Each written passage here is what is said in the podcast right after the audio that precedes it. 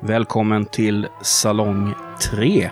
En podd om filmer som du kanske inte har hört talas om tidigare, men eh, som du eh, under detta avsnittet och andra kommer att eh, veta väldigt mycket om. Jag heter Martin Degrell och eh, jag har en gäst idag. Hej. Hej, hej! Eh, det är Andreas Kuttsson som är konstnär och ljudskapare och musiker och lite allt möjligt. Men framförallt konstnär väl? Absolut, ja. Välkommen hit. Tack så mycket. Trevligt.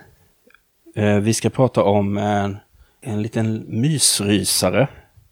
Nämligen den brittisk-amerikanska skräckfilmen Night of the Eagle.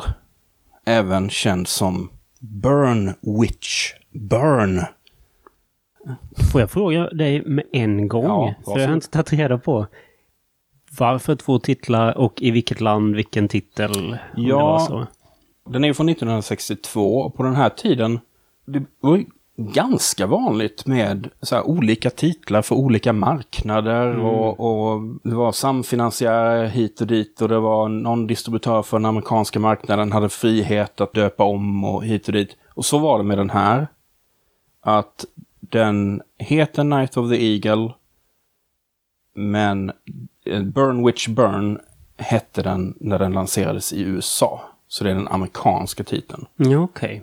Kollar man på IMDB, då står det Night of the Eagle, men den refereras ganska ofta som Burn Witch Burn. Så det är ju inte bara en fråga om rolig eh, svensk alternativtitel som ett återkommande inslag i, i den här podden, utan den kom aldrig till Sverige vad jag vet överhuvudtaget. Okej. Jag vet inte riktigt när det upphörde, det fenomenet, men det var ganska vanligt ganska länge. Och att, och att dessutom då att den amerikanska och den brittiska i det här fallet hade versionerna så lite annorlunda ut. Att de hade lite annan, till exempel den här prologen som vi kommer att komma in Mm, på först. I alla fall den versionen som jag vet att du och jag har sett. Det måste ha varit den amerikanska. För den fanns inte i den brittiska. Okej. Så att det, det, det, det finns lite Ja, små skillnader. Men, men Night of the Eagle kan vi ju kalla den. För att göra, den lite, göra det ännu mer komplicerat så är det ju så att den bygger ju då på en bok med ett helt annat namn, ett tredje namn. Eh, nämligen Conjure Wife. just det ja. Som skrevs 1943, har jag läst mig till. Publicerades som följetong i magasin och så vidare. Och släpptes som bok i början av 50-talet. Och den har filmatiserats ytterligare två gånger. Som Weird Woman från 1944 med Lon Chaney Jr. i huvudrollen.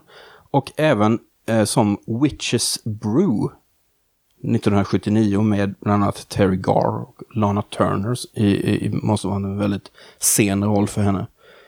Så att det är väldigt många titlar här innan vi ens har börjat komma in på vad, vad, vad det är för film. Ja, Men jag tycker ju att, alltså egentligen så är ju, alltså Burn Witch Burn, det kommer ju från, det har de ju tagit från en replik i filmen. japp. Night of the Eagle låter ju mer som någon sån andra världskrigs rulle eller någonting. Typ Örnästet eller Örnen har landat, alltså något sånt. Burn Witch Burn kanske låter lite tuffare Mm. än filmen faktiskt är. Det är definitivt en mycket mer, eh, vad ska jag säga, lite mer trashigare, lite mer Mm. B-spekulativ. Den har ju dessutom Burn Witch Burn med utropstecken. Så att det, det är verkligen en sån här double feature eh, Midnight Madness. Väldigt bra titel dock. Ja, Väldigt catchy. absolut. absolut. Ja, jag, jag tänkte om den här dubbeltitlarna hade någonting med eh, censur att göra eller någonting sånt där, men det var det inte. Nej. Eh, boken utspelas i USA. Men filmen utspelar sig i England. Och det är för att American International Pictures, som var en sån här lite lågbudget filmproducent. De hade liksom satt igång processen och eh, betalat manusförfattarna att liksom hosta upp ett manus. Bland annat ju eh, Richard Matheson, som ju är en otroligt produktiv både romanförfattare och manusförfattare. Just det. m- Primärt inom science fiction och skräck. I am legend. I am legend är väl kanske framför allt Mm. det. Han och en annan som heter Charles Beaumont som ju har också skrivit mycket så här adaptioner av Poe och Lovecraft och så. De tillsammans gjorde ju då det första manuset. Och eh, det finansierades av American International Pictures. Men sen så hamnade det till slut hos deras samarbetspartner Anglo Amalgamated. Och de befann sig i England då, så att jag tror att det förklarade varför de flyttade liksom både inspelningen och handlingen från New England till ja, Old England helt enkelt. Yep. Den här filmen utspelar sig på ett eh, universitet eller ett college i England. Och det är ju ett, ett hittepå det finns ju inte på riktigt liksom. Men, men det är ett college som ju ser väldigt mycket ut som ett typiskt New England college. Som ju i sig är väldigt modellerat på de klassiska engelska. Men det är väldigt här nondescript. Man får aldrig några riktiga geografiska referenser förutom att mot slutet så förstår man att det ligger vid en kust. ja, just det. Hyfsat så här, köravstånd till kust. Ja, precis. Men jag skulle tippa på att det ligger kanske södra England någonstans. Men det ger också filmen eller handlingen någon sorts... eh, Just att den inte är så platsspecifik. Eller platsen är ju specifik men den är inte bekant för oss. Mer än på något väldigt generellt plan. Att det är någon sorts... Vi, vi känner igen miljön från ett otal filmer, eh, ett otal böcker som någon sorts eh, urtyp för någon sorts eh, murrigt litet lärosäte på vischan. Där det finns liksom ett, ett litet samhälle i samhället som är då colleget i det här fallet. Fast det då eventuella sprickor i fönstren på colleget är kanske äkta och inte byggda som på något sånt. Just det. Yale eller något. Ja, precis. Kan jag säga också lite bakgrund här att eh, Peter Cushing, eh, legendarisk eh, brittisk skådespelare, han, han var då tilltänkt till eh, huvudrollen ursprungligen. Men eh, han fick lite andra planer så att han hoppade av. Och i sista stund faktiskt kom då Peter Wingard, som då spelar huvudrollen, in i eh, handlingen. Och eh, det är ju intressant att tänka sig någon sorts här kontrafaktisk eh, historieskrivning om Peter Cushing hade gjort huvudrollen här istället.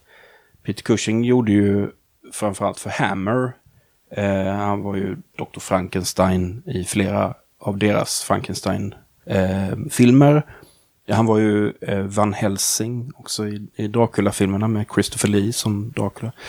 Och han var ju jämte Christopher Lee någon sorts eh, Hammers eh, ansikte utåt kan man säga.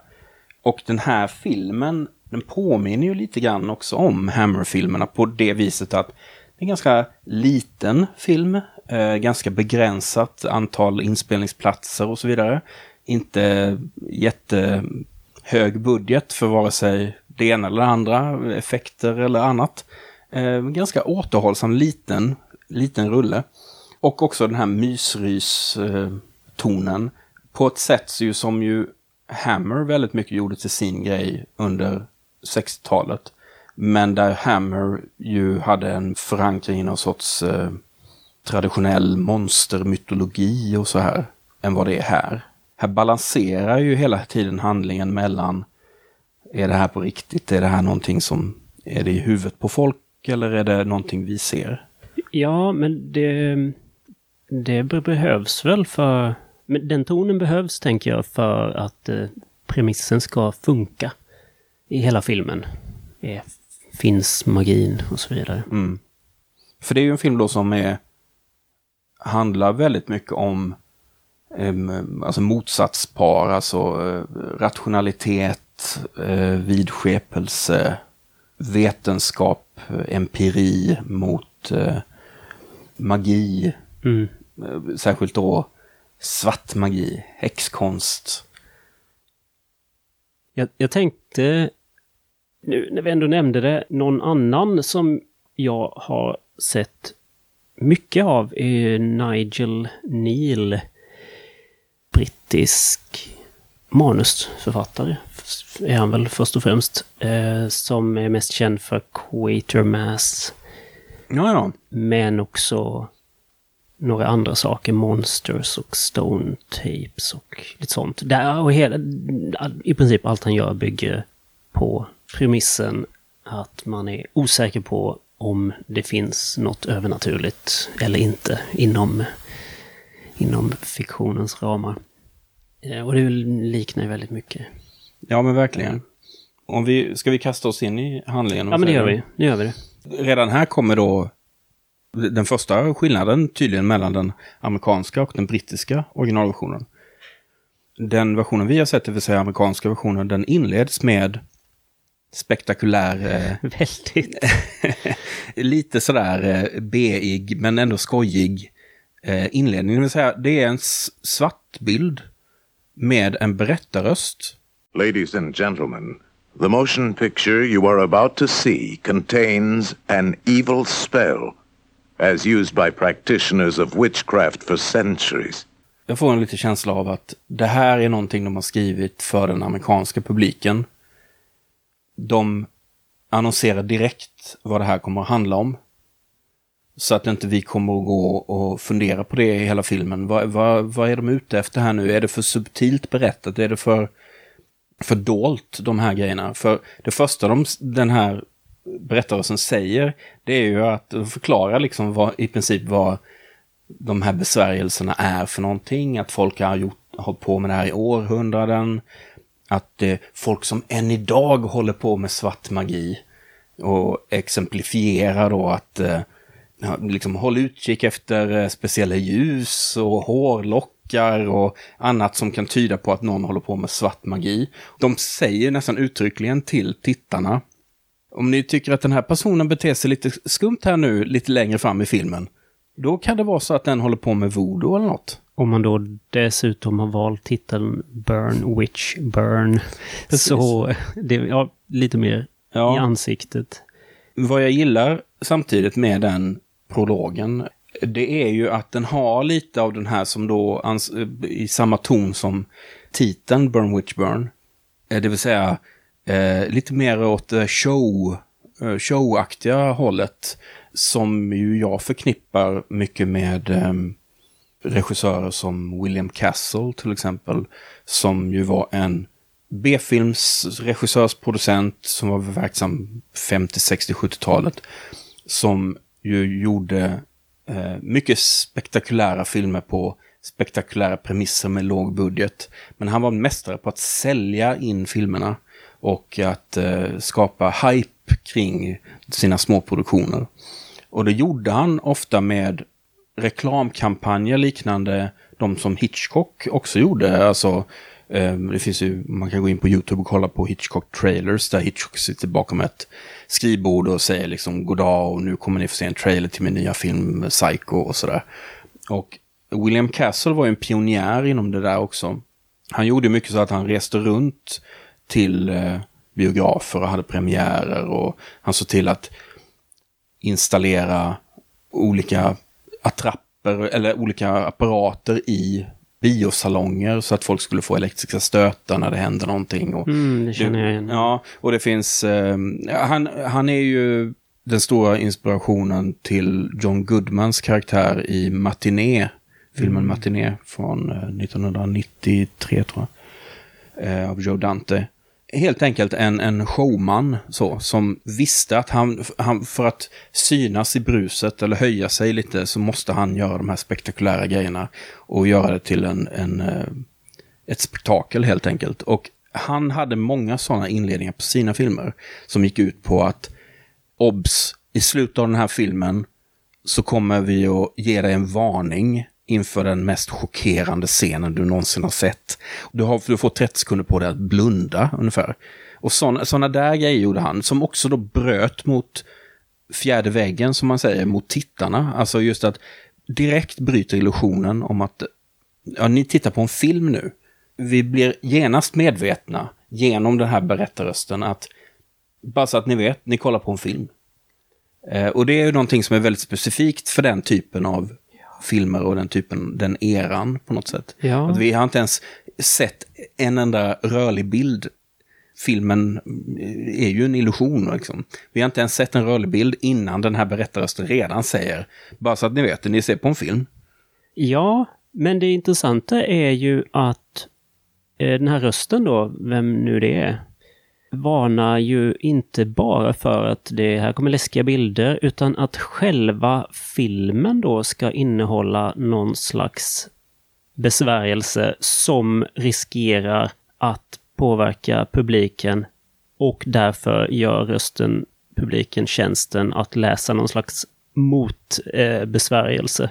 I am now about to dispel all evil spirits that may radiate from the screen during this performance. I samband med premiärerna i USA så distribuerades det också till då biosalongerna eh, små skyddspaket till biobesökarna som innehöll typ lite salt och ord som man kan, så här besvärjelseord då som kan skydda en så. Ja, det är väldigt fint alltså. Ja, det är väldigt fint. Eh, och även filmaffischen som jag har sett, där står det också typ att eh, Don't see this picture unless you can withstand the emotional shock of a lifetime. Det är lite så här en dare. Just det. Men också, det måste det väl ha skrivits en massa om film överhuvudtaget som någon slags eh, besvärjande. Mm. Det är ju att liksom sätta, förändra åskådarens, publikens sinne och så vidare. Verkligen. Tankar. Ja, jag tyckte det var en fin början. Men det är ju bussigt ändå att den här berättarrösten ser till att eh, demonerna och så håller sig borta under, åtminstone under visningen av den här filmen. Härligt att det sker i kompakt mörker då, om man tänker sig att det är i en biosalong och inte på mobilen på ett pågatåg eller något. Ja, verkligen. Det måste vara en ganska häftig upplevelse att sitta där i salongen i nästan tre minuter eller vad det är. Och, Ja, jag kollade. Det f- på Ja. exakt fyra minuter kommer den första bilden. och det första som vi ser är eh, efter, efter förtexterna i alla fall. Det är en stor stenörn. Som eh, sitter som en prydnad uppe på en pampig kolonn vid en universitetsbyggnad. Och har man gått och köpt biljett till filmen Burn Witch Burn så har man ju ingen aning om varför, varför man ser en örn. Vad är det här för konstigt? Börn i all ära. Men det här är ju löjligt. Eh, Hempnell Medical College är detta i alla fall. Det är som sagt lite så här nondescript någonstans i England. Nästan någon sorts klassisk eh, urtyp av ett lite konservativt, litet brittiskt lärosäte. Med så här murriga byggnader, vältrimmade häckar och buskar och sådär. Och ehm, i en lärosal på detta college stöter vi på vår huvudperson, en lärare, eller lektor är han väl, Är det psykologi? i psykologi, ja. Mm. Eh, Norman Taylor, som spelas då av Peter Wingard. Peter Wingard, det, alldeles, det tar alldeles för lång tid att dra det här, men jag kan verkligen rekommendera att man kollar på hans Wikipedia-sida och läser om hans liv. För det är ett mycket färgstarkt eh, liv, kan man säga. Det här var innan han blev ens lite känd i England. Sen har han, vad jag har förstått, lite av en kultstatus i England för att han, han var med i några så här deckar, så här tv-deckarserier på slutet av 60-talet, början av 70-talet, där han blev väldigt mycket en stilikon med den tidens mått mätt och med stor mustasch och coola kläder och sådär. Så han kom att definiera den eh, eran lite grann, men han är ju ett annars inte särskilt känt namn för oss i alla fall. Men han levde ju till han blev 90, dog bara för ett par år sedan. Och eh, han hade tydligen ett oerhört excentriskt liv med väldigt så här shady bakgrund och ingen vet riktigt hur gammal han var eller riktigt var han kommer ifrån och det är väldigt oklart. Och han, han drar olika historier om var han växte upp och mycket internationellt och att hans föräldrar var diplomater, men det kanske de ändå inte var. Och, alltså jättebisarr. Jag läste faktiskt om honom bara för någon månad sedan. För då var det att hans, eh, hans dödsbo mm. auktionerade ut eh, en massa prylar som han hade. Sagt, kläder och Beatles-rariteter. Och, alltså han verkade och jättekonstiga, bisarra prylar. Och... Pyttesmå burkar med torkade spindlar. Kanske det. Men här spelar han alltså eh, Norman Taylor som är då en, en ganska ung eh, lektor i psykologi som står eh, Eh, vid svarta tavlan och skriver med stora bokstäver I do not believe. Eh, och det ramar ju in honom ganska väl. Han är då en väldigt tydligt skeptiker.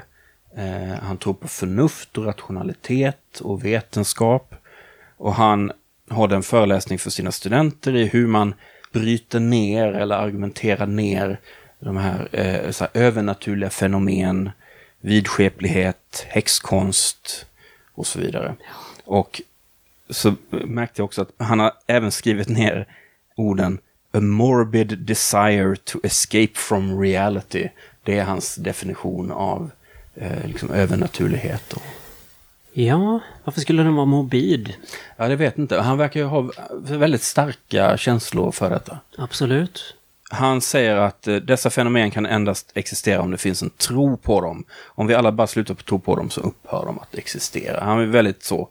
Eh, jag tänker mig att han eh, idag så hade han kanske haft så en framgångsrik YouTube-kanal eller någonting. Varit väldigt eh, aktiv i den offentliga debatten kring eh, vetenskap och tro och sånt. Absolut. Men han är ju en karismatisk typ. En... Eh, ja, han är ju också lite så här en manlig typ. Alltså en väldigt maskulin, lite ovanlig akademikertyp på det sättet. Ska vi, hur ska vi... Snygg, jättesnygg lärare. Ja, typ. så här, snygg lärare, lite krallig. Och superövertygad om sin mission verkligen här. Och man märker ju att eh, studenterna är ju också väldigt förtjusta i honom. Eh, särskilt är det ju en kvinnlig student då, Margaret, som är väldigt eh, förtjust i honom. Och de flöttar ju lite grann, nästan kan man ju få känslan av. Eh, hon ställer ju en fråga till honom och säger, ja men vadå, vad, det här med lite vardaglig vidskepelse, det är väl inte så farligt, typ att inte gå under stegar och sådana här grejer. Och så sätter han sig med hela arslet på någon annans bänk, som han dessutom vänder ryggen åt. Så liksom, så jo, han är lite, kanske lite aningslös. Mm. Där. Så han, men han avfärdar ju även det som strunt då. Och sen så gör han ju en liten sån eh, nonchalant hänvisning till sin tid i flygvapnet. Så att nu får vi då verkligen, nu får vi då veta på att inte nog med att han är så här snygg och karismatisk och rakryggad. Han är dessutom antagligen så här en jävligt badass, kan typ slåss. Och... Stadig humble brag. En hunk, helt enkelt. Men han får ju lite mothugg i alla fall. Han får ju lite så bitchigt replikskifte med en, en manlig student. Som ju då, om vi nu ska du prata om så här alfabeteende, så försöker den här manliga studenten, som ju även visar sig vara då den här kvinnliga studentens pojkvän. Mm, just det, Margaret. Eh, precis, den här studenten heter Fred. Och han liksom utmanar ju lite grann Norman här. Men Norman etablerar ju sin tydliga alfastatus då genom att i princip hota med att eh, kugga honom eller slänga ut honom ur klassen. Vad är det han säger? Tryck på en knapp så kanske min läxa dyker upp. Det är ju inte så populärt då. Den här Fred märker man ju att han är inte så populär hos honom då. Lite mer hos de kvinnliga studenterna kanske. Det är hur som helst eh, fredag och studenterna ger sig av inför helgen. Och en äldre kollega till Norman, Harvey, han frågar om, eh, ja, är det fortfarande bridge hos er ikväll? Härligt eh, fredagsnöje. Det, de vet verkligen hur man roar sig på universiteten. Och eh, Norman, eh, ja, han bekräftar att ja, visst, ni är välkomna. Jag skulle älska att ha spelkväll varje fredag. Och eh, där kommer det också fram lite grann att Normans fru har mått lite dåligt. De, de, han frågar lite försiktigt om det där, Harvey. Men, eh, ja, men hon, hon mår bättre nu, så att ni, ni är välkomna. Bridge. Och eh, Harvey då, den äldre kollegan, han kliver in i en bil som så och väntar på honom och åker iväg. Och den körs av hans fru, Evelyn, som eh, är ju en, eh, för den tiden, klassisk eh, så professorsfru eller akademikerfru. Hon är hemmafru. Och hon är ju lite sur. För det framgår att eh, Norman har ju blivit befordrad på bekostnad av Harvey, som hon ser det. Och i baksätet så sitter ju en annan akademikerfru, nämligen Flora, som också är sur över också samma anledning. De, de, det är uppenbart att de inte gillar Norman av någon anledning. De snackar skit om hans popularitet hos studenterna. Va? Det, det är ju inte bra. Han är för bra. Att vara populär hos dem och, och det, det, jag, men, jag vet inte, man får intrycket av att han är lite för ung, han är lite för snygg, han är lite för populär. Hans studenter får alldeles för höga betyg. Det känns tydligt att de representerar någon konservativ syn lite grann på akademin och eh, de ser fortfarande Norman och hans fru som lite nykomlingar som inte riktigt har kommit in i Helt klart. de sociala kretsarna. Och varför har de inte det? Och varför har man det? Det är lite, alltså i det här läget så vet man inte riktigt varför. Om det är så, om det nu stämmer att de inte har kommit in där riktigt i det här kollegiet liksom. Eh, Beror det på dem eller beror det på att det är svårt att komma in? Hur, vad får du för intryck? Ja, jag hade väntat mig någon, eh, jag vet inte vad, någon sån här klassförklaring kanske eller något sånt. Men det är det ju inte riktigt. Det verkar bara vara ren eh, oginhet. Lite sådär att utbildningsstatus, att när du kommer hit så får du minsann, du får dansa med liksom, du får ställa upp här nu och gör du inte det och passar du inte helt och hållet in i den mall som vi har etablerat här genom vårt sociala umgänge, då kommer du aldrig in. Det- handlar om någon sorts konformitet Mm. i, till gruppen då. Och då kanske får vi en liten hint om att de här Norman och hans fru kanske inte riktigt har tagit sig an allt det här på det sättet som de andra hade hoppats. Det kan ju också vara, om någon kommer är ny på jobbet och är för bra på jobbet, så blir det ju besvärligt för alla andra. Det blir ju också, och det blir ju ännu tydligare senare, akademin är ju märklig på det sättet att kollegor som ofta samarbetar och jobbar bredvid varandra dagarna i ända kan samtidigt på ett ögonblick bli allvarliga konkurrenter om samma tjänst eller forskningsmedel. Och det där är ju inget unikt för den tiden som den här filmen utspelar sig, utan det är ju fortfarande väldigt mycket så nu.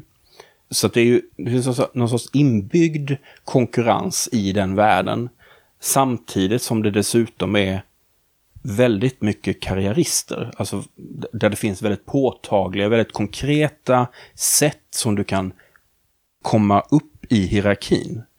Men den här eh, Harvey då, eh, som faktiskt är kollega till Norman, han, han försöker ju ändå tona ner det lite grann. Eh, hans fru och, och den här Flora, de sitter ju och ondgör sig verkligen över Norman. Harvey är lite mer diplomatisk. Han påpekar ju att Norman faktiskt har åstadkommit ganska mycket på den här korta tiden som han har varit där. Flora är ju lite mer brysk. Hon säger ju rakt ut att de är nykomlingar här. De, de tycks inte passa in, helt enkelt. Vad som verkar skava kanske mest är ju att eh, Normans fru då, eh, med det speciella namnet Tansy, hon verkar inte riktigt bete sig som en akademikerfru förväntas göra. Exakt vad en sån ska göra, det, det är lite oklart, men det är väl just det här att, att ingå i de här sociala kretsarna och vara liksom... Ja, hon verkar ju ändå... Jag tycker det verkar som hon gör det som förväntas. Hon kör ju bridgekväll. Ja, det, det, man, det man ser av hennes beteende är ju egentligen inget, alltså man förstår ju inte riktigt var de får det här ifrån. Det verkar mest vara en, en, en, en grej de hänger upp sig på. Men eh, lysande bransch att förlägga den här intrigen till. Verkligen. Jag skulle vilja se en eh, modern variant av det här. Mm. Eh, mycket av det där finns ju kvar i, i, fast det ser annorlunda ut naturligtvis, men strukturerna finns ju väldigt mycket kvar. Jag vill inte gå händelserna i förväg för mycket, men eh, vilken magisk tradition tror du de skulle använda sig av för att Ja, det är nå sina mål? Jag vet inte riktigt vad, vad som eh, är poppis liksom. Häxor har ju lite av en comeback. Oh ja, jag tänker kanske något, någon slags wicca som går att utföra över Zoom. Precis. Samtidigt är ju den historiska kontexten lite intressant för att även om det finns en del av de här sakerna som fortfarande överlever i, idag så det här utspelar sig i början av 60-talet Mm. och akademin var ju oerhört mycket mindre då. Och det här var ju långt innan studentuppror och sådana här saker så att då var ju de få professorerna som fanns till exempel, de var ju kungarna liksom. Eh, det var nästan uteslutande män och det var väldigt mycket boys club, att man höll varandra om ryggen, man såg till att liksom tillsättningar av tjänster och så gick till vänner och kollegor och så. Det var väldigt skyddad verkstad på många sätt. Men någonting som är en intressant sak som ju jag tror inte någon egentligen var medveten om här när man gjorde den här filmen, men som vi idag kan faktiskt ha någon sorts metatextuell eh, syn på detta. Det är ju att, ja, vi har pratat om att Norman, Norman Taylor och hans fru, att de ses lite, de är nykomlingar och så, de är inte riktigt accepterade. Men någonting som är intressant att tänka på är ju att Peter Wingard, som jag ju har pratat om lite grann, han hade ju också judiskt ursprung. Och om man tänker på det, om man tänker på liksom vad det ger för bild av den här situationen, det skruvar bilden lite grann ytterligare. Man skulle kunna se det som någon sorts eh, parallell till klassiska antisemitiska tropes. Ja, ja, ja. Eh, men det var ju ingen som tänkte på det då, garanterat. Framförallt inte eftersom Peter Wingard fick ju den här rollen i sista stund. Och, och dessutom, på den tiden var han inte, vad ska vi säga, öppen med sin bakgrund. Så hans etnicitet var liksom inte någonting som existerade. Han hade bytt namn liksom. Han hette något helt annat innan han tog namnet Peter Wingard. Liksom. Mm. Okej, men det är i alla fall eh, en eh, förklaring som skulle passa i fiktionen. Ja, men jag gillar det ändå. Det, det, det liksom nyanserar, eller det gör ju, Ja, det. det. ger en extra dimension till den här historien. Ja. Ja, hur som helst. Norman, han kommer hem. Det är lite roligt att det är, det är gångavstånd hem från universitetet. Det är ett litet ställe detta, uppenbarligen. Och han kommer hem till hans hem som är ett uh, murrigt litet stenhus klätt i murgröna. Som det står en vit sportbil parkerad framför.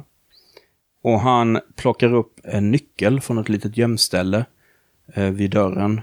Man Ehm. anar att det är Ja, viktigt att vi, vet precis, att den ska ligga Vi får verkligen en sån högst omotiverad inzoomning på en dörrklocka. Eh, Så här, hmm, kommer vi få se den igen? Mm, ja, kanske. Hans fru Tansy, som spelas av Janet Blair, kommer nerför trappan, väldigt tjusigt klädd. Hon är ju uppenbart inte särskilt förtjust i akademin, men hon har ju offrat mycket, förstår man ju, för sin man. Eh, det är hans karriär som gäller och hon följer med honom eh, och är liksom den lojala, trogna frun, men hon pallar inte riktigt ställa upp på precis allt. Utan man kan ju tänka sig att hon har nog ställt upp på rätt mycket. Det verkar som att hon gör det som formellt krävs av henne. Precis. Till exempel Bridgekväll, återigen. Men Mm. att ja, hon är inte där med hjärtat. Nej, hon älskar inte det, men hon, hon älskar sin man liksom. Och, Verkligen. och, det, och är extremt uppoffrande. Hon förstår ju att han har sin karriär, men hon tycker ändå att han lägger lite väl mycket tid på den. hon önskar väl att han hade varit lite mer hemma och lagt tid på relationen och hemmet och... Jag skrev ner ett citat som jag tyckte var eh, både härligt och eh, i filmen i helhet så är det ju väldigt eh, förebådande. Och hon säger då, när, hon tycker att han eh, inte ger henne full uppmärksamhet när han kommer hem. Och det gör han inte. One day I shall burn all your stuffy old books. They invade every corner of our lives. Och sen bränns det annat. Mm, precis. Nej, men det är talande då för hennes frustration lite grann. Absolut. Och hon har ju också förstått att den här, det här föraktet från de här andra kvinnorna är ju besvarat. Eh, hon tycker ju inte om dem heller. Hon kallar ju den här Evelyn för en middle-aged Medusa. Så, så hon har ju inga goda ord att säga om dem heller. Hon tycker bara de är så här tjafsande, skvallriga kärringar liksom. De har inte helt lyckats få henne att känna sig välkommen. Så kan man uttrycka det. Eh, och tydligen så är det den här professuren i sociologi som står på spel. Det, är- det är det som det verkar vara, det tävlas lite om, att det, det är den som alla vill ha. Det snackas ju om att, att Norman kanske kommer att få det då. Och det är väl det som lite svider för de här kanske trotjänarna som har varit där väldigt mycket längre, men som kanske är lite mer mossiga eller inte har samma framåtanda som Norman har. Tappat De gnistan. har tappat det. Men så berättar ju Tansy då att hon istället för att vara på det här muggiga stället i England så längtar hon ju tillbaka till Jamaica. Norman har varit där på fältresa har man förstått. Just Någon det. sorts fältarbete. Och det är väl lite oklart hur länge de var där, men det verkar så ändå som att de har varit där ett tag. Och då var ju naturligtvis Tansy med och tyckte det var fantastiskt och blev helt så här förtrollad, kanske på mer än ett sätt, av eh, Jamaica. Och det är ju, snacka om miljöbyte, eh, och komma till den här lilla universitetshålan efter att ha varit eh, eh, på Jamaica. Norman är ju lite mer så här, ja, där fanns även malaria och fattigdom, typ. Just det. Han är ju återigen den här rationella... spoilsport. Precis. Så här killjoy. Man ser ju bägges poänger på sätt och vis. Tansy är kanske lite... Lite gnällig. Hon, le, hon lever ju ett ganska privilegierat liv, får man ju säga. Samtidigt som Norman är ju... Han kväser ju verkligen när hon liksom vädrar någon så här romantisk dröm om någonting eller så, så lägger han liksom lock på det direkt. Han är ju jäkligt träig på det Mm. sättet. Och allt han gör det är ju någon sorts i den här rationalitetens namn på något sätt. Att allting ska ske med ett förnuft och, och noga avvägt och så. Eh, rätt mycket i den här filmen handlar ju om att på ett ganska tradigt sätt kan man ju tycka om att här, alla kvinnor är känslosamma hysterikor oftast. Irrationella, Romantiker. romantiker, vidskepliga etc.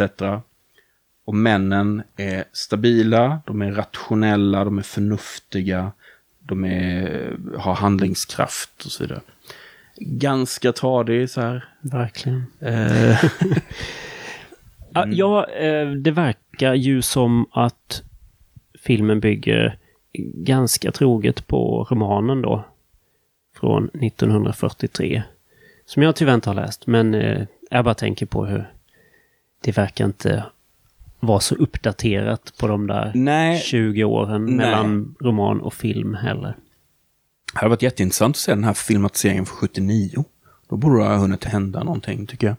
Men han, eh, alltså Norman, han hånar väl lite grann hennes eh, upplevelse från Jamaica och säger liksom att eh, ja, du längtar säkert efter den där häxdoktorn som vi träffade på Jamaica. Just det, A Male Witch, haha. Ja, ha, ha, ha, och liksom hans eh, hittepå magi och sånt där. Och lite, så här, f- ja, lite onödigt förminskande. Alltså, vi vet ju inte. Det är ju möjligt att hon har pratat om den här häxdoktorn nonstop sedan de var där och att han är väldigt trött på att höra det. Men vi har ju inte riktigt hört det.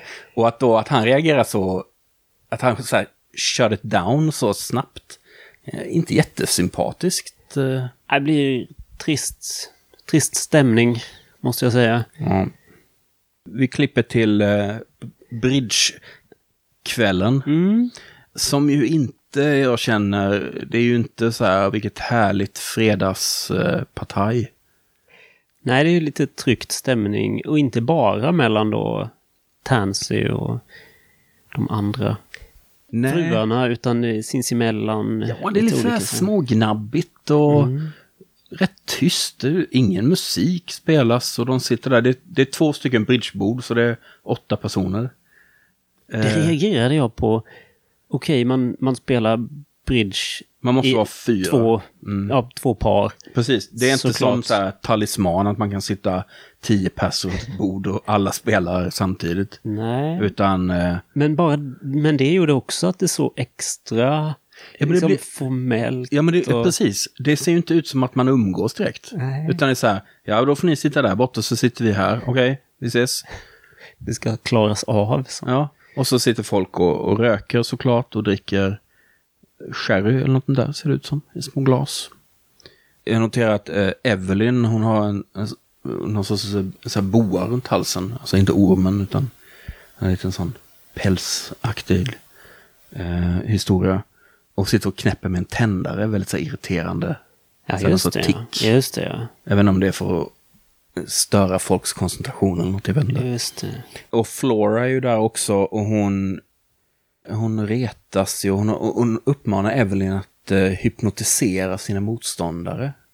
Och det är liksom det är flera så här antydningar om övernaturlighet och lite magi och hypnos och sådana här saker. Men då säger ju Floras man då, Lindsay, You can hypnotize the players, but you can't hypnotize the cards. Ja, det är skojigt. Det, det är mycket som etableras här också i... Det är någon slags lek med manuset och vad de säger. Det, är många, det droppas många sådana här ord som eh, bewitching och... Eh, ja det är massa referenser Ja. hela tiden till det övernaturliga. Japp. Fast de liksom, som, som görs på ett, med en blink, en rak blinkning till publiken och inte mellan karaktärerna. Det är sant. De är mer riktade mot, till oss. Japp. Men ute i köket då så står Tansy och Flora och fixar lite snacks. Och Lindsay och Norman följer efter. Och där bubblade också upp de här eh, tillsättningen av professuren. Och eh, Lindsay då är ju lite mer så här ironisk. kan säga till Norman så här, men du, du förtjänar väl inte mer uppmärksamhet och belöning än vad du har nu. Och du, du har ju allt, en vacker fru, ett fint hus, eh, stuga på landet. Vad har du egentligen gjort? Har du gjort en deal med djävulen? Just det. Och när han säger det så tappar uh, Tansy nästan glasen och hon rycker till liksom. Just det. Och han säger att ja, men här är min. Ja, she's my good luck charm, Ja. säger han om Tansy. Just det. Och någonting har ju eh, satt sig hos uh, Tansy, för senare på kvällen så när alla har gått hem så, så hon håller på att leta efter någonting och ser, hon ser liksom orolig ut. Går runt och kollar i alla lådor och, och, Tans, eller, och Norman drar sig tillbaka. Går upp på övervåningen. De har, det är verkligen sånt urgammalt hus. Det känns som att det har varit där i... Det känns som att delar av inredningen har varit där i århundraden också. För de har någon sån här galen eh, sänghimmel, himmelsäng. Eh, Just det. Med liksom en sån här Tudor. Ja, en metertjock madrass. Norman får eh, anledning att eh, klä av sig lite så man får lite så här hans hankiga överkropp. Det, det lilla, vad ska vi säga, sexuella i den här filmen, det är nästan enbart den manliga kroppen som sexualiseras Ja, det nästan. Det är sant. Jag tänkte på att det är så intressant med eh, sådana här gamla filmkroppar. Det, det är ingen som ser ut så. Nej, Jag, jag antar att det har att göra med hur man tränade och ja, du, du, jag du vet tänker på att hans midjemått är som man kan så här, ta runt honom med en, med en hand så. Absolut. Så- Eh, men han ser, han, ser fortfarande, han ser ändå inte smal ut som någon skulle göra idag. Jag vet inte vad det är. Eh, ja, han har en tidstypisk bod. När han letar efter en pyjamas i en byrålåda så hittar han en liten ask. Och i den så hittar han en död spindel. Jag vill bara, eh, innan han då Mm. hittar sin pyjamas så måste han ju ropa genom huset till sin fru på bottenvåningen. Har du sett min Ja, pyjamas? exakt, för han har ju såklart ingen aning. Han är ju man. Han har, han, han har viktigare saker att tänka på. Ja, det var lite bebis. Och Tansy säger, ja men det, det, den här spindeln är en souvenir från Jamaica. På natten sen så är hon fortfarande vaken, kan inte riktigt sova. Och hon letar vidare efter vad nu hon letar efter. Och då hittar hon typ som en liten voodoo-docka ser det ut som. En liten sån här totem. Ja, vä- väldigt eh, Som sitter- liten som en Ja. tumme på sin höjd. Precis. Som sitter liksom på insidan av en lampskärm. Och i det läget så var jag först när jag såg filmen så tänkte jag så här. Har hon satt den där eller är det så att hon letar hon efter något men hon vet inte vad hon letar efter? Och tror hon att det är någon annan som har placerat den där? Det var lite... En, en sak jag tänkte på, om det är något hon behöver göra efter varje bridgekväll, så fattar jag varför hon är less på det. Mm. För det såg väldigt jobbigt ut. Hon eldar i alla fall upp den, den lilla dockan, i ett askfat. Ehm, och sen är det en ny dag och då ser vi att Norman sitter och skriver en text. Kanske en artikel eller någonting, eller ett bokkapitel eller något. Eh, Han skriver om Neurosis and the Modern Man. och det kommer ett tvättbud, för självklart så tvättar de inte sina egna kläder. Och när han ska lämna eh, med, eller skicka med det här tvättbudet en, en smutsig kavaj, så sticker han sig på någonting. En liten tygpåse på insidan av kavajslaget som någon har liksom nålat dit. Han sticker sig på nålen. Och i den här lilla, lilla påsen så f- det ser ut som aska eller någonting. Detta får honom att eh, gå till handling, skrida till handling. Han vänder upp och ner på hela huset mer eller mindre. Och han hittar flera sådana här, ska vi för enkelhetens skull säga voodoo-grejer. Eller så här paraffernalia som på något sätt har med... Ja, Och han hittar bland annat vad som ser ut att vara små flaskor med gravstoft. Från eh, ett par namngivna gravar. Och Tansy kommer, hon kommer hem ill, inte ont anande i den lilla sportbilen. Och då, nu ser vi att den här dörrklockan är borta. Jag har fortfarande inte riktigt klart på vad den får för betydelse. nej.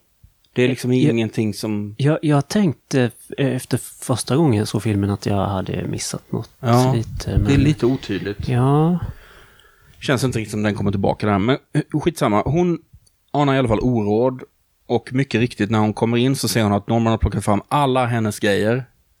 Och det är jättemycket grejer. Mhm. Och hon tycks ju ha vid något tidigare tillfälle sagt att de där dagarna är förbi. Jag håller inte, jag, jag bryr mig inte om sånt eh, längre. Utan han har ju övertygat henne om att det här är nys och så. Men ska vi då tro att alla de här grejerna har hon i hemlighet haft kvar. Och han har inte upptäckt något av det förrän nu. För det är ju jättemycket grejer. ja, det kan ju förklaras med att han är otroligt disträ när han är hemma ja. Så han har Ja. bara aldrig... Nej, jag vet inte. Nej. Han gör inget hemarbete kan man tänka sig. Nej, det är han precis. aldrig någonstans. Det är lätt för henne att gömma de här sakerna. Han tar en ny pyjamas ibland. Mm. Men han är ju väldigt upprörd över att hon håller på med de här sakerna. Och det står ju då klart att eh, det, hon fastnade ju för det här på något sätt när de var på Jamaica då. Är det där hon berättar den här anekdoten om eh, någon flicka som var död? Eller döende? Och den här häxdoktorn bytte ut mammans och flickans liv i princip så att han, Ja. han väckte henne från de döda och Och att mm, den här mamman fick så pliktade med sitt liv. Ja, eller ja. Mm. Men hon får ju då ett utbrott då här och de börjar ju gräla. Det blir som en symbol för, för den här idén om män och kvinnor och det rationella och det irrationella och mm, man, den ambitiösa, kanske till och med hänsynslösa mannen som är hänsynslös i sin strävan uppåt medan då kvinnan är den empatiska, medkännande och, och sådär. Men också den som är svag och lättkuvad och lättmanipulerad då. Ja, han vinner ju den här striden, om man ska kalla det det. Ja, för att även om hon då säger sådär väldigt ironiskt sådär, ja vad vill du höra liksom att jag är häxa? Ja, jag är häxa. Eh, men hon menar ju inte det, utan hon tycks ju ändå på något sätt representera, vad ska vi säga, de mer vardagliga vidskepelsegrejerna som är så här, men det här är ju ofarligt, kan inte jag bara få ha det här? Han som psykolog borde ju fatta på något sätt att ja, men det finns ju någon sorts placebo-tanke bakom att göra vissa ritualer som man är så här, nej, okej, okay, det här kanske inte finns någon reell eh, nytta med, men för mig, det känns tryggt, det känns bra för mig att kunna göra de här små ritualerna. Det skadar inte någon.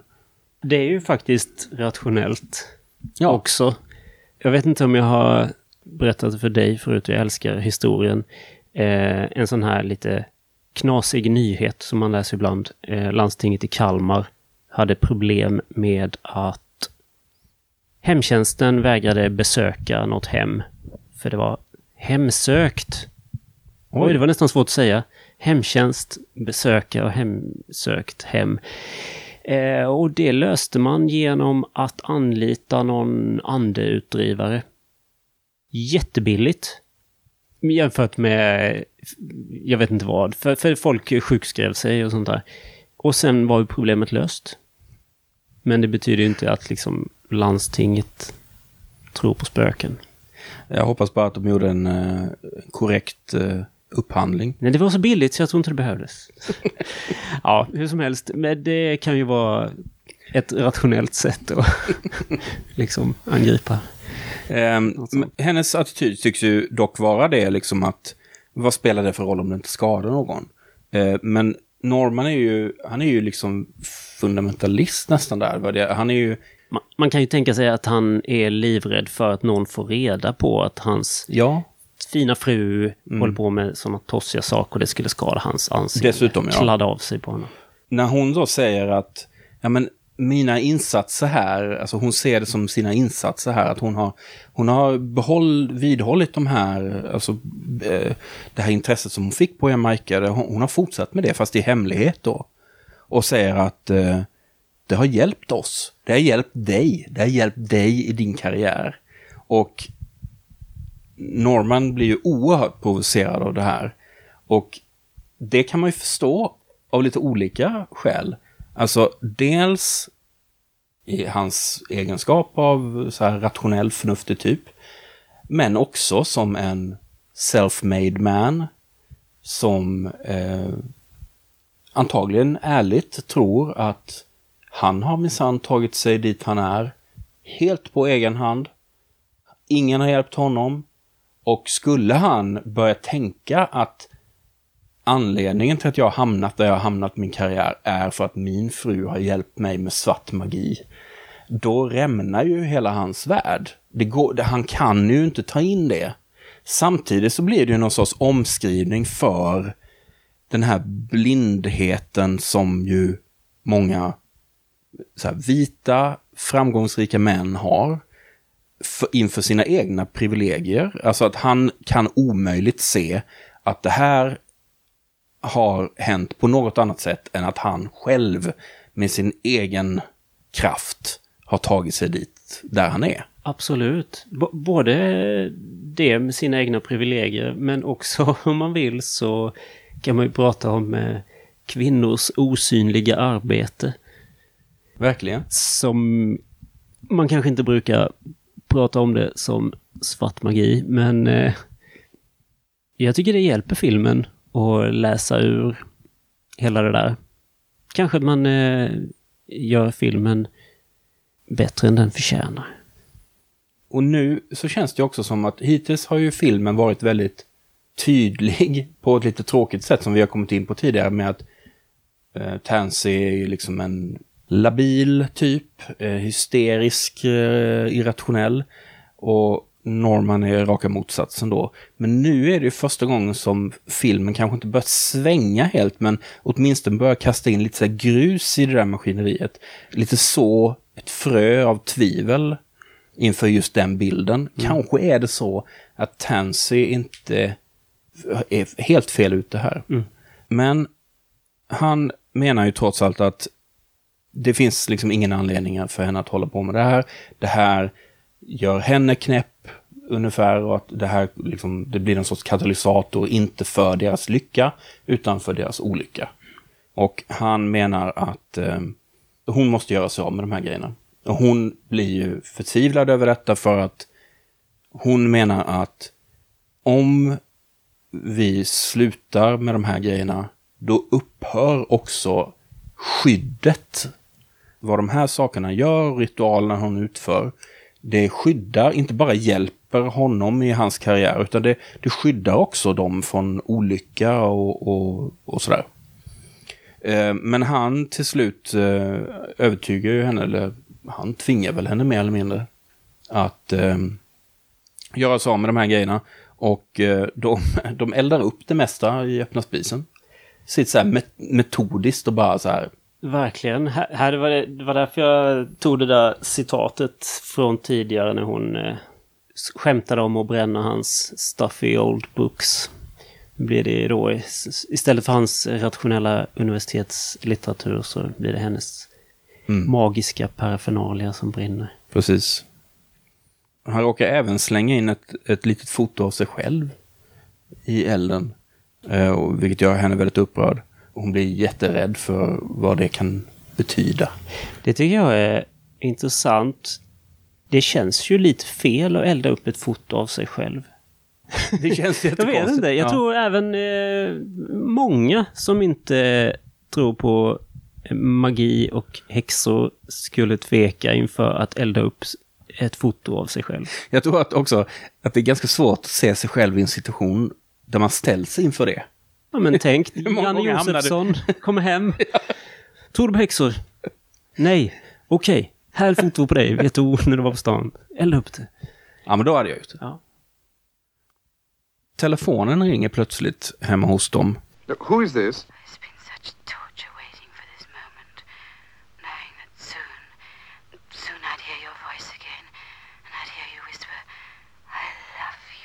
What? Och det, jag tänkte hur ovanligt det är med en kvinnlig dirty caller. Ja, just det. Det är inte så ofta man ser det. Och nu kom jag på någon som eh, gjorde någon undersökning och efterlyste så här scener i filmer där män blev föremål för sexuella trakasserier. Mm. Det här var ju faktiskt en sån. Det är absolut en sån. Eh, men han lägger i alla fall på luren och svarar lite undvikande när Tansy undrar vem det var som ringde. Han säger väl inte riktigt vem det var. Eh, och så ser vi ur eldstaden så kryper det en livslevande spindel. Sen är det dagen därpå och eh, Norman blir nästan eh, påkörd av en lastbil. Direkt när han, när han är på väg till jobbet. Tänker så här, ja, hur var det nu med det där skyddet?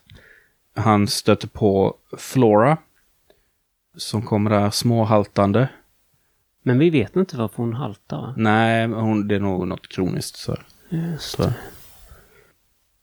Norman är på sitt kontor. Där han konfronteras av eh, Fred, den här manliga studenten som han bråkade lite med tidigare.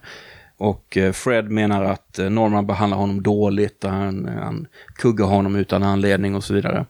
Och det, det här är ju eh, bara första exemplet på, ja det kommer ett ännu grövre lite senare på att det känns inte helt realistiskt hur den här, en, en student skulle agera mot sin lärare på den här tiden. Att han är, han är ju väldigt respektlös. Verkligen. inte om du tänkte på det? Ja, och det var han ju första gången vi såg honom Jo, också. det är sant. Men det var åtminstone inom kontexten för en, en lektion. Ja, jo, det är sant. Nu söker han ju liksom upp honom och, och han anklagar honom för att stöta på Margaret och sånt.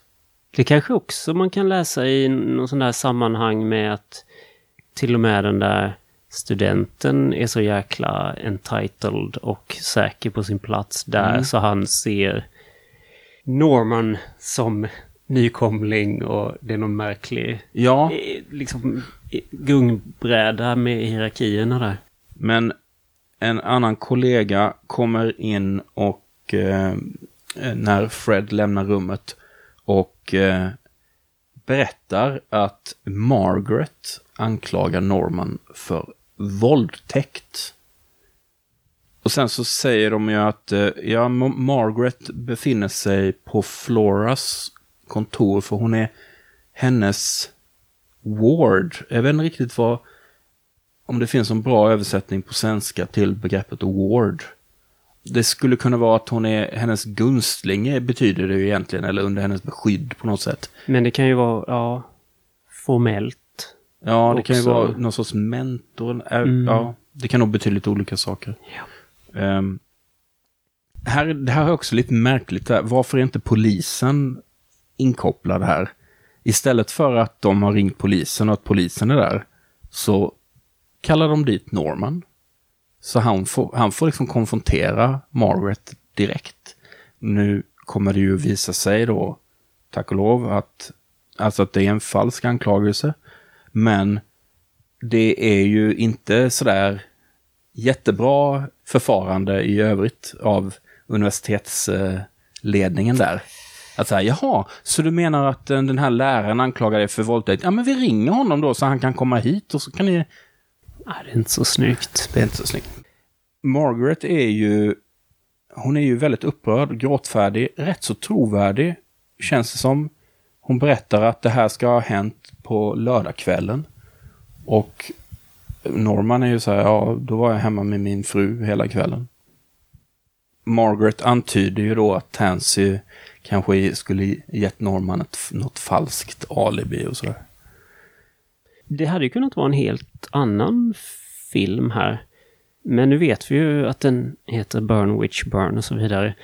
Och det har väl inte varit någonting som ska ha fått publiken att tvivla på huvudpersonens karaktär och så vidare. Nej, precis. Det här blir ju ytterligare en sån här scen där han tappar inte fattningen alls. Och hon är den kvinnan, återigen, är den hysteriska och han höjer rösten och ryter till och säger att det där är skitsnack och det där är fullständigt falskt. Och hon bryter ju faktiskt ihop och erkänner att hon faktiskt var med Fred på lördagen.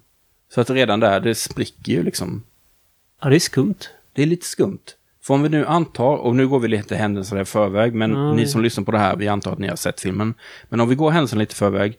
Det här är falskt, men hon har manipulerats att tro detta. Så det är ett falskt minne på något sätt. Ja. Då är det ju inte som en vanlig så här, förhörssituation där du kan gå på någon och så till slut så säger de okej då, jag ljög. För att hon tror ju att det är sant. Ja, det gör Hon är ju övertygad om konstigt. att det är sant. Så att hon, att hon då skulle så att säga försäga sig och säga, ah, okej då, jag var med Fred. Så antingen så var det en... eh, Var hon under en för svag spel. Eller så... eh, Vad, ska, vad säger man? Var det någon slags hållhake som... Ja, eller så kanske att den här besvärjelsen, eller hypnosen, eller vad det nu kan handla om, den var inte heltäckande nog. Så när hon säger då att hon var med Fred, då inser både hon och de andra att okej, där sprack det liksom. Just det. Någon slog ett eh, tärningsslag på den här spellens styrka mot hans benhårda rationalitet. Mm. Och han vann. Efter att Flora har lämnat rummet så stannar eh, Norman kvar med eh, kollegan Harold och, och Margaret. Och då så konfronterar ju Norman Margaret om, även om det här, eh, om det här telefonsamtalet och säger att eh, det måste ju ha varit du som har ringt då. Och Margaret är nu inte särskilt trovärdig när hon säger att det där är lögn. Alltså det finns något intressant här med sexualpolitiken här, kan man säga. Alltså även om nu vi vet att det här är en falsk anklagelse, så blir det ju en, jag tycker ändå det är en lite provocerande, eller det blir det är en viss eh, eftersmak av den här scenen, där den anklagande plötsligt blir anklagad, eller liksom det förmodade offret får försvara sig, eller hur? Han går ju väldigt hårt åt henne nu. Det ser inte så bra ut. Han sköt ju, förutom att då den här konstiga situationen att de överhuvudtaget ska konfronteras där så sköt ju inte han det så bra heller. Nej, Som psykologi. återigen. Professor. Men det är väl kanske det här att hans... Han, han tar så illa upp att han blir ifrågasatt på något sätt. Han fullständigt, han förintar ju henne här liksom. Förödmjukar henne verkligen. Är han egentligen lite skör och rädd för att knäckas? Istället är det ju, istället är det ju Margaret då som knäcks. Hon erkänner ju att det var hon som ringde. Och hon sa att hon, hon kände sig tvungen av någon anledning att ringa. Det, det har börjat etableras att efter att eh, de brände hennes prylar så har han fått eh, en jättejobbig dag. Ja, precis. En riktigt, en riktigt dålig dag. Ja. Och den kommer att bli ännu sämre. Norman är tillbaka på sitt kontor. Då ser vi, det är väldigt, väldigt rolig kameravinkel här. Här ser vi liksom en, en revolver som liksom riktas mot Norman. Och vi ser det typ från den som håller i revolvern. Så det är nästan som point of view revolver. Och då är det då den här Fred som helt tappat eh, greppet om situationen. Om vi nu tyckte att Fred hade liksom varit på gränsen tidigare med att konfrontera Norman på hans kontor då. Så får vi ju säga att han har passerat alla gränser med att dyka upp på hans kontor med en revolver. Som jag undrar då, var det väldigt vanligt för brittiska studenter på 60-talet att ha lätt tillgång till handeldvapen? Det var säkert något som hade blivit över sedan kriget. Och som de har nära till hands också. Typ, inte ens behöver gå hem till sitt studentboende och hämta det. Utan, ja, men jag har den alltid i väskan. Det här känns som en sån grej som, okej, det här är några amerikaner som har skrivit det här. Ja, just det ja. För där finns det liksom tillgång till vapen på ett helt annat sätt. Mm, Sant. Jag är väldigt intresserad av liksom eh, magins logik. Det brukar ju alltid finnas något sånt. Och det här med tanken på att förstärka något som redan är där Mm. eh, är ju förstås mycket lättare än att bara plantera något i någons huvud. Eh, så att både med hon Margaret som var i alla fall vänligt inställd till eh, Norman och då Fred som inte var det. Så har det förstärkts. Precis, det är lättare att manipulera Ja, dem när ja. man har, har det in, ingången redan. Jag minns inte, vad hände med den eh, Jo, eh, eh, Norman eh, försöker ju då snacka lite med Fred. Anledningen till att Fred dyker upp där är ju för att nu tror ju han att Norman har våldtagit Margaret. Det är ju därför liksom. Och Norman förklarar ju att Margaret har redan erkänt att allting var påhittat. Fred går ju inte på det utan säger att ja, men du är sån, du är typ en tjejtjusare. Du glor i smyg på alla snygga tjejer i klassen och sånt. Det känns inte som att Fred bryr sig om detta för tjejerna i klassen. Utan det här är ju enbart för att han upplever att han är hotad som någon sorts populär kille i klassen. Just det, det finns bara en tjusarplats. Ja. Så det är ju inte, det är inte för att han är, bryr sig om tjejerna. Möjligen Margaret då, men, men eh, för detta får han en örfil av eh, Norman som tar revolvern från honom. Också lite tveksamt beteende. Ja, vem, vem går längst här egentligen? Men ja, det, det skulle väl ändå vara, se den rubriken, student hotar lärare med revolver.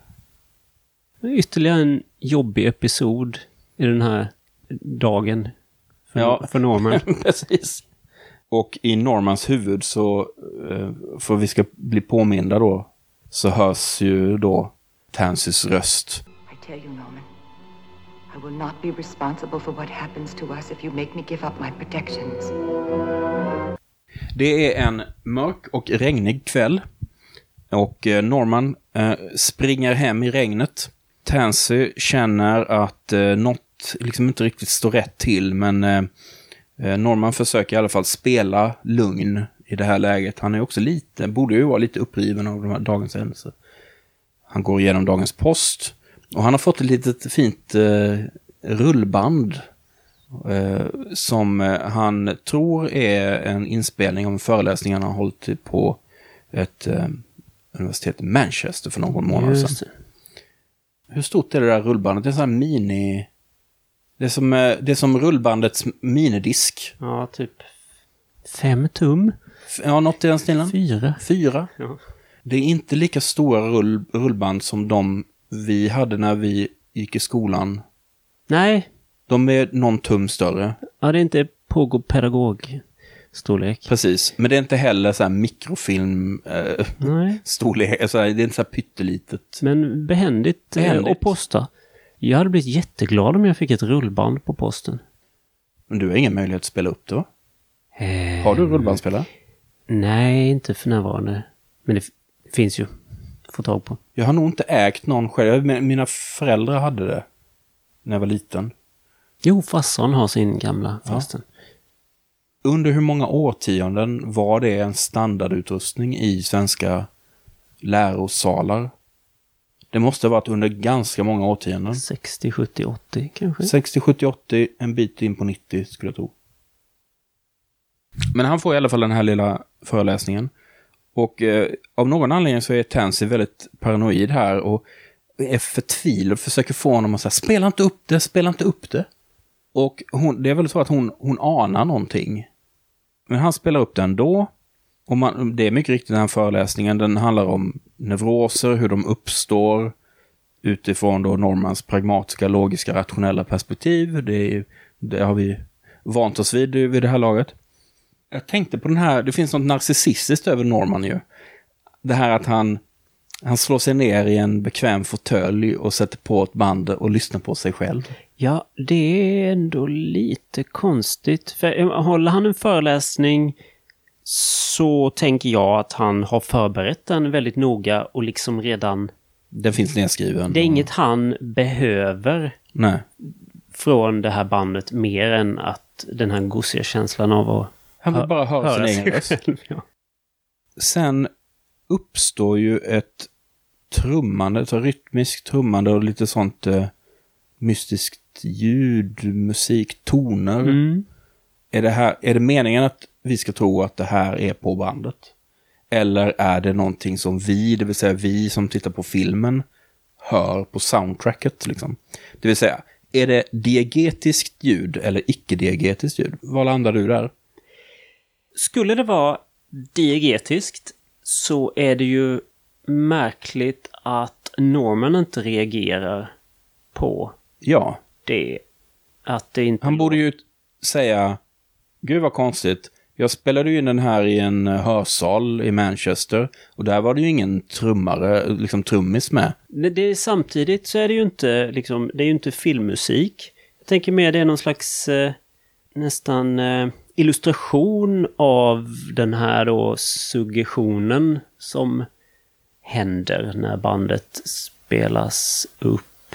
Mm. Eller jag vet inte. Eller är det för att någon har liksom överdubbat Ja, hans föreläsning med det här besvärjelseljudet? men det verkar ju inte som att han hör det i alla fall. Det kan i och för sig vara en del av effekten av Mm. besvärjelsen, att eh, Mm. man inte är medveten om att det händer. Precis. Han har sån eh, spell cancelling i öronen. Men Tansy reagerar ju på det här i alla fall. De rusar ju fram till bandspelaren och stänger av den. evil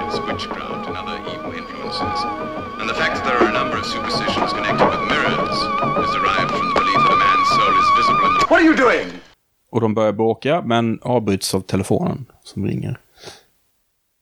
Det är ingen alls i andra änden, förutom ett susande ljud. Utomhus så stormar det, ljuset släcks plötsligt, så blir strömavbrott. Och dörren tycks... Det ver- det verkar som att någon bultar på dörren eller rycker i dörren på något sätt. Eh, Norman öppnar dörren och när den öppnas så liksom slängs den upp av vinden och han liksom kastas in i rummet. Och det är hela tiden så att det balanserar på det här. Ja, men det där hade ju kunnat hända kanske. Det var nog kanske bara vinden. Eller var det en mystisk kraft Eh, men utanför så står det i alla fall ingen alls. Men sen så lugnar det ner sig lite grann, paret samlar sig. Även Tansy då försöker liksom, eh, kanske föga övertygande, men hon försöker i alla fall intala sig, både sig själv och Norman, att det här är bara en slump och såklart, och det är klart att det här är, det, det är bara, allt är bara hjärnspöken och sådär.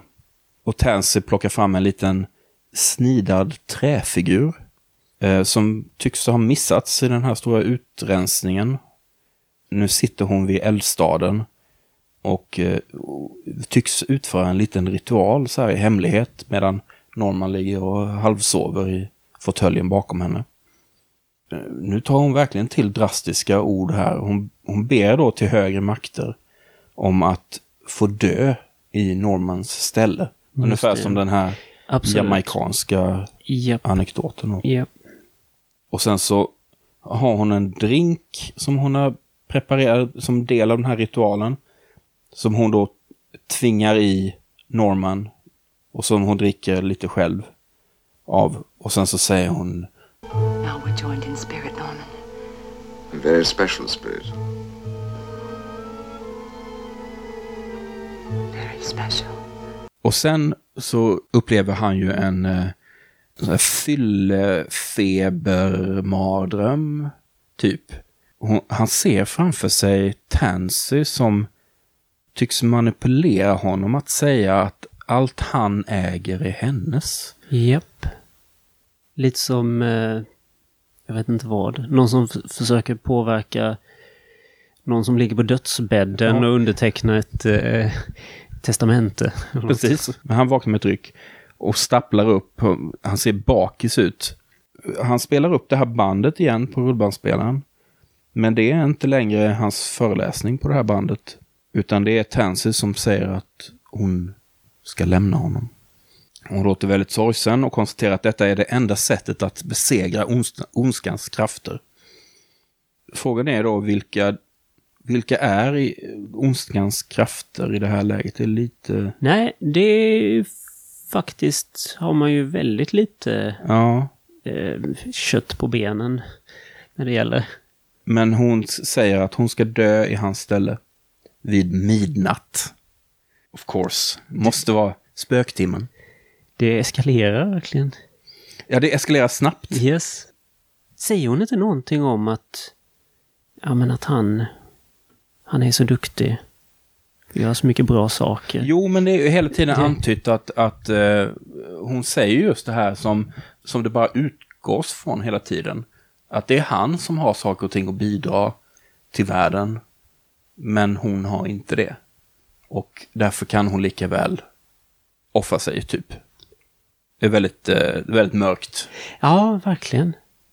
Eh, det kommer en bil som ju Norman hoppas att det är Tansy som kommer, men det är istället eh, ytterligare en av de här eh, eh, akademikerfruarna, Hilda, som eh, klampar in och snokar och, och, och försöker säga ja, jag, vi har försökt nå dig hela dagen och du svarar inte och så här. Och Norman frågar ju då eh, Hilda om hon har sett Tansy och tydligen så eh, har hon setts vara på väg mot parets eh, stuga, åkandes buss.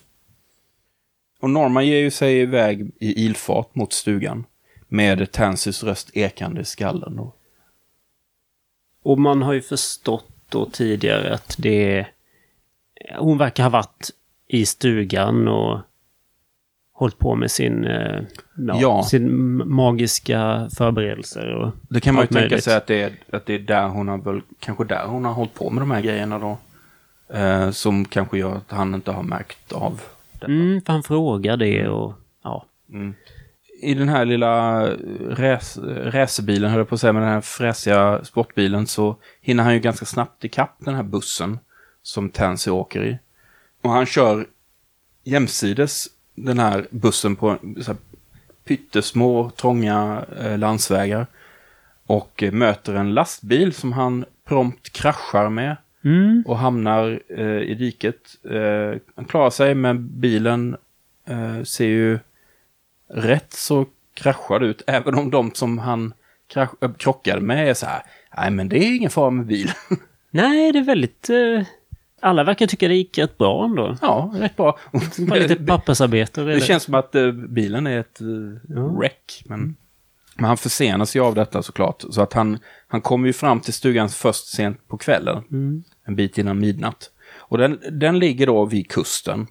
Ett dramatiskt landskap med så här stora klippor och vågorna slår mot stranden och sådär. Stugan är upplyst, men den ser tom ut. Och han tar sig in, letar efter Tansy, hon finns inte där. Hon går ut, han går ut, letar efter henne utomhus. Han går tillbaka till stugan, ser lite uppgiven ut. Hittar, han hittar ingen ficklampa, däremot så tar han med sig lite ljus och tändstickor och grejer. Eh, och så hittar han lite böcker om svart magi och ritualer och djävulen. Och det, sen är det roligt för sen så, när han bläddrar i någon av böckerna så trillade ut liksom en handskriven lapp. Det, det, jag fick sån här känsla av eh, kokböcker, så att det tr- trillar ut lite handskrivet recept. Just det. Och på det här, den här lilla lappen så står det att, eh, väldigt tydligt att så här gör du för att eh, upphäva den här förbannelsen eller besvärjelsen. Och då står det att den här ritualen måste utföras i de dödas hus på de dödas plats. Så det måste ju vara någon form av begravningsplats då. Så han ger sig ut igen och så hittar han till en ganska, som verkar vara en ganska svårtillgänglig begravningsplats. För han går ner liksom på stranden och klättrar upp. Ja men verkligen, jag tycker det är väldigt, det är väldigt svårt att få grepp om var, platsen och hur... var finns den? Och är det, är det så att man inte kan nå den? Måste man gå via stranden och klipporna? Ja, det, det kan vara något eh, glapp här i... Var det bara jag som fick lite så här Lovecraft-vibbar här? Alltså just kusten, begravningsplats, nära havet. Havet är ju en sån återkommande grej hos Lovecraft, kommer krafter från havet. Jag bara väntade mig att det skulle finnas någon form av någon grotta. Kanske där med några ritual, någon sekt som håller på med någonting. Ja, det hade kunnat... Dagon hade kunnat glida in. Nej, det är väldigt, det är väldigt eh, lite, eh, vad ska vi säga, så här kringbyggnad i den här magin. Den är ganska personlig som det verkar som. Ja, Och liksom, de, eh, de smetar inte på med en massa mytologi liksom. nej. Nej, Jä, det, Djävulen är väl ty- alltså så här, när, när det dök upp så var jag så här, okej.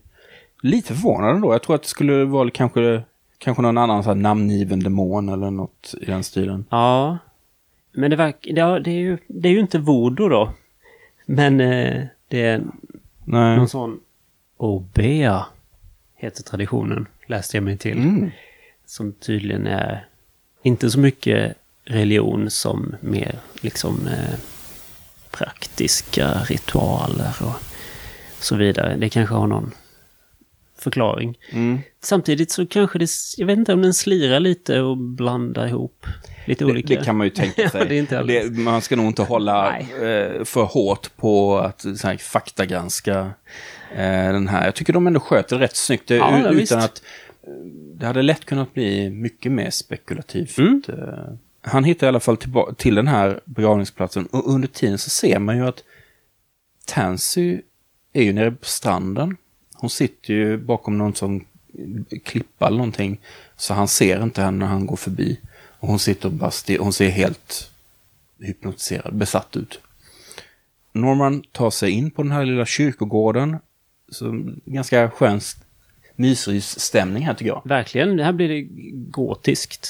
Den är full av eh, övergivna och eh, mossiga gravstenar och hoande uggla och det är igenväxt och ja, det är väldigt fint. Och det, han hittar ju till och med ett litet kapell där, ett litet begravningskapell som han tar sig in i. Fullt av spindelväv, eh, fladdermöss, alltså allt du kan tänka dig. Eh, några kistor. Och han eh, tänder liksom ett par ljus som han har med sig för att liksom kunna se. Och eh, det är bara ett par minuter till midnatt så att han är verkligen pressad här på tid. Om det nu är så att vid midnatt så, så kommer det här offret att ske. Jag bara funderar på, vid det här laget, har han blivit så desperat så att han uppenbarligen är beredd att göra det här? Ja, alltså det verkar ju som att han i någon sorts sista desperat försök för att förhindra det här offret liksom ger han sig på att själv utföra en ritual Ja, där i begravningskapellet. Och det måste väl vara liksom hans kapitulation då till slut inför detta. Ja, för det är ju inte det rationella att göra. Nej, Det är ju bara att fortsätta Leta efter leta henne. egentligen. nej utan han, han, det är väl sorts sista elfte timmen verkligen. Japp. För han har egentligen inte fått ett bryt än. Nej, precis. Här öppnar han dörren liksom till det här. Verk- Verkligen. Ja. Hur som helst, han, han gör någon sorts improviserad ritual med de här tårtljusen, eller vad det nu är. Det ser verkligen ut som han... Och så har han ett foto på Tansy med sig, jag förstår inte riktigt varför han har, men... Och så tar han liksom en näve grus från gravkapellet. Men det ser mer ut som, det ser nästan ut som att han liksom begraver fotot i grus. Äh, jag förstår inte riktigt hur han tror sig veta att, okej, okay, okej, nu ska jag göra så här. Då har han läst det där receptet då kanske. Han blev ju väldigt bra väldigt snabbt. Ja, Vilken debut. vilken debut. Och, och samtidigt så ser vi ju hur Tansy bara så här promenerar rakt ut i havs. Jag läste en recension av då romanen. Mhm. Som ju förresten eh, ändå hyllas. Som, som en av Fritz Liebers, nej Leiber heter han väl? Leibers eh, bästa och så vidare. Ja, den verkar liksom komma i tryck Okej. titt som tätt. Eh, menar att det skulle vara någon slags så här själabyte eller någonting. He- Hela den här med vad det egentligen är som händer med Tansy verkar vara tydligare i boken i alla fall. Lite mer uttalat där Ja. liksom. Mm. Vi ser att stranden är tom. Vi ser bara Tansys fotspår mot havet, men inga i den andra riktningen. Eh, och i kapellet så hör eh, Norman hur eh, det ringer kyrkklockor någonstans ifrån. Och eh, han vräker de här ljusen åt sidan i frustration. Men så plötsligt så känner han närvaron av en person. Och det är faktiskt Tansy. Eh, Men hon ser helt uttryckslös ut. Hon liksom stirrar framför sig, allmänt zombieaktig. Här är det lätt att dra paralleller till I walked with a zombie Mm, till exempel. De har också den här typen av porträtt kan man säga av alltså zombifierad person, nollställd, som i trans på något sätt. Japp. Det gick ju väldigt, rent eh, liksom eh, geografiskt, så måste hon ha flyttat på sig. Det måste gått väldigt snabbt. Väldigt snabbt. Sprungit ner i havet och sen sprungit upp. Jag ska inte hänga upp mig på det. Movie magic. ja, nej, men den här hela mm, sekvensen vid stranden och kyrkogården och där. Eh, jag, hade, jag hade lite svårt att va, hänga med i tid, tid och rum. Så. Ja, men i handen så har hon ett rullband. Och det är väl rullbandet med hans föreläsning. Ja, det har ju inte förekommit något varför- annat rullband. Varför har hon det? Ja, det är lite otydligt. Han tar henne därifrån. Hon undersöks av en läkare som ju säger, ja men det verkar som att hon befinner sig i någon form av chocktillstånd. Vad är det som har hänt, säger läkaren. Och Norman bara, ja, eh, ja, eh, ja, inget. Och läkaren är till och med så här, alltså hon luktar typ hav, har hon, vad har hänt? Jag bara, nej, det är... Han framstår ju som eh, liksom någon slags förövare där. Mm, sannerligen. Och, men Norman, han börjar faktiskt förklara vad som har hänt. Och då säger Tansy plötsligt så här. No. Tansy, what is it? Dell. Nothing. Tansy, I don't understand. Take me home. Läkaren vill i alla fall ta henne till sjukhus, men Norman säger att nej, ta hem henne. Återigen så ska allt skötas liksom Ja. in-house. Ja. Men- Och eh, hemma så får hon ju vila upp sig. Han är ju lite orolig ändå och är lite på gång att faktiskt ringa till ett sjukhus, men då dyker hon upp och säger nej men lägg på luren, eh, allt är bra. Och då är hon plötsligt som, nästan som återställd. Och hon säger att hon har bara vaga minnen av vad som hände Att det var som en dröm. Men mitt i natten så vaknar hon, kliver ur sängen med klar men tom blick, tar en rejäl kökskniv, kliver in i det mörka sovrummet, hugger mot den fåtölj där Norman satt och sov. Men det visar sig att han är inte där. Han är nämligen bakom henne. Han har eh, liksom märkt att hon var uppe och tassade. Och eh, han övermannar henne. Hon styrs ju här av någon. Ja visst, det Det känns ganska tydligt att hon är liksom mind control. mind control. Japp. Och jag gillar det att de korsklipper, eller de klipper till personen som styr henne. Ja just det, fast man får inte se. Nej, fast, utan man ser att det är en kvinna då. ja. Men som sitter och är så här, kämpar och hon har en liten voodoo-docka eller något sånt där. Mm, mm. Och sen så hon förlorar den kampen liksom, Japp. mot Norman då. Mm. Så där får vi ju se väldigt tydligt att den här personen styr ju Tansy. Och är inte det första gången i filmen man får se, så att säga, motståndarsidan i bild? Ja, Och liksom bevis för att, att, de gör något. faktiskt... Ja, det är inte bara i deras huvuden. Nej, Eller det är inte bara att de är paranoida över Nej, just det. så. Dessutom ser vi ju, och det märker ju även Norman, att Tansy haltar.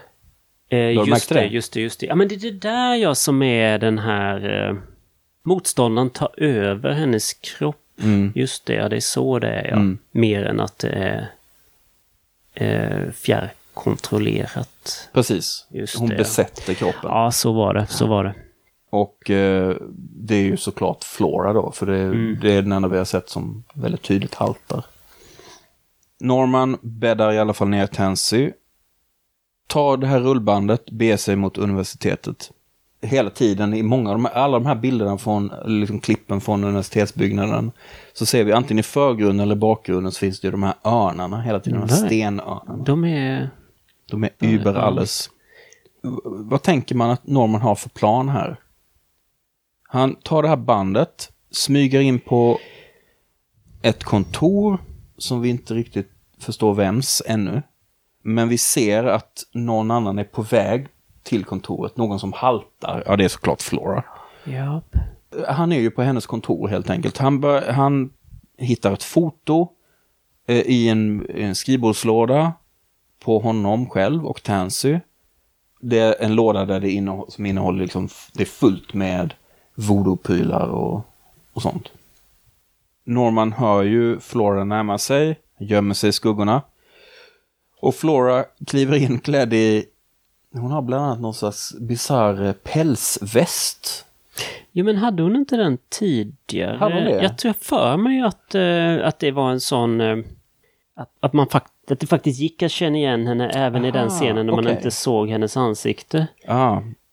Eh, Hon börjar i alla fall rota i, i sin skrivbordslåda och eh, Norman träder då fram med eh, det här fotot och säger är det det här du tittar efter, letar efter ungefär. Det är väldigt roligt för hon ser väldigt överrumplad ut men försöker väldigt, här, på ett väldigt nonchalant sätt så här, dra ner alla sakerna i skrivbordslådan. Jaha, jaha, är du här? Ja, det, är- det är lite på samma sätt som när Norman konfronterar eh, Tansy med alla hennes Mm. prylar. Han plockar även fram det här rullbandet som han sätter igång. Och så säger han att eh, det här är en eh, unik inspelning, säger han. Och hon ser väldigt misstänksam ut. Han sätter igång det och det är ju hans föreläsning. Och då återigen de här med de här mystiska trummorna Mm. och ljuden och, och sånt där. Detta triggar ju henne på något sätt. Är det så att hans budskap triggar henne? Är det rytmerna, är det ljud? Alltså det, det är lite otydligt. Men det är någonting som provocerar henne. Hon, hon försöker liksom samla sig lite och säger så här, ja det, jag blir bara irriterad över den här, eh, den här rationella lektionen. Du är så eh, stöddig av dig, typ underförstått att, att eh, liksom, hon ägnar ju sig just åt den vidskepelse som han attackerar. Och sen nu så blir ju hon, här, här flippar ju hon kan man ju säga. Nu blir hon ju riktigt så här evil absolut. Japp. ljusat så här underifrån och ser Ja, hon, häng, hon hänger fram hela ansiktet över en Ja. bordslampa på Ja, ett väldigt verkligen. fint sätt. Och så skrattar hon åt honom och säger att eh, I knew you were naive, but I didn't know you were as naive as all that. After all that's happened, do you mean to tell me that you still put it down to natural causes? Och hon har ju plötsligt övertagit det här. Han hade ju liksom, han satt ju på trumf där att nu har han ertappat henne och så vidare. Men nu kallar ju hon honom för skraj skolpojke, liksom som är rädd för att ha fel och det är lite fram och tillbaka där. Norman säger att eh, du har alltid tyckt att vi hotade dig och din position här och han får det ju att handla om honom rätt mycket. Mm. Det är lite skumt att hon, när hon avslöjar sig, i princip erkänner att ja, det är... Ja, hon pratar ju om den här... eh, Den här han, ska- han ska ha varit med om någon olycka.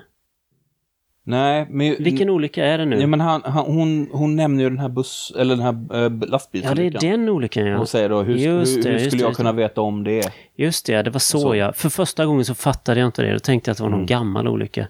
Ja, så var det. Just och, det. och, och just eh, att hon erkänner ju i princip att hon har manipulerat uh, Tansy och hypnotiserat henne att få henne att utföra vissa saker och sådär. Mm.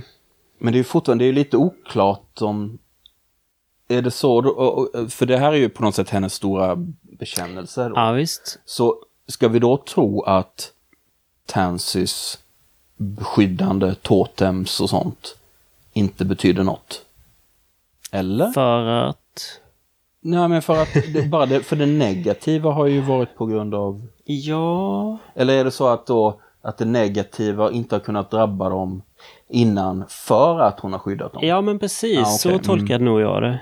Och en sak som slår mig nu är ju att eh, han påstår ju att det är det här med att det är tron som är nödvändig för då allt som han tycker är vidskepelse och så vidare.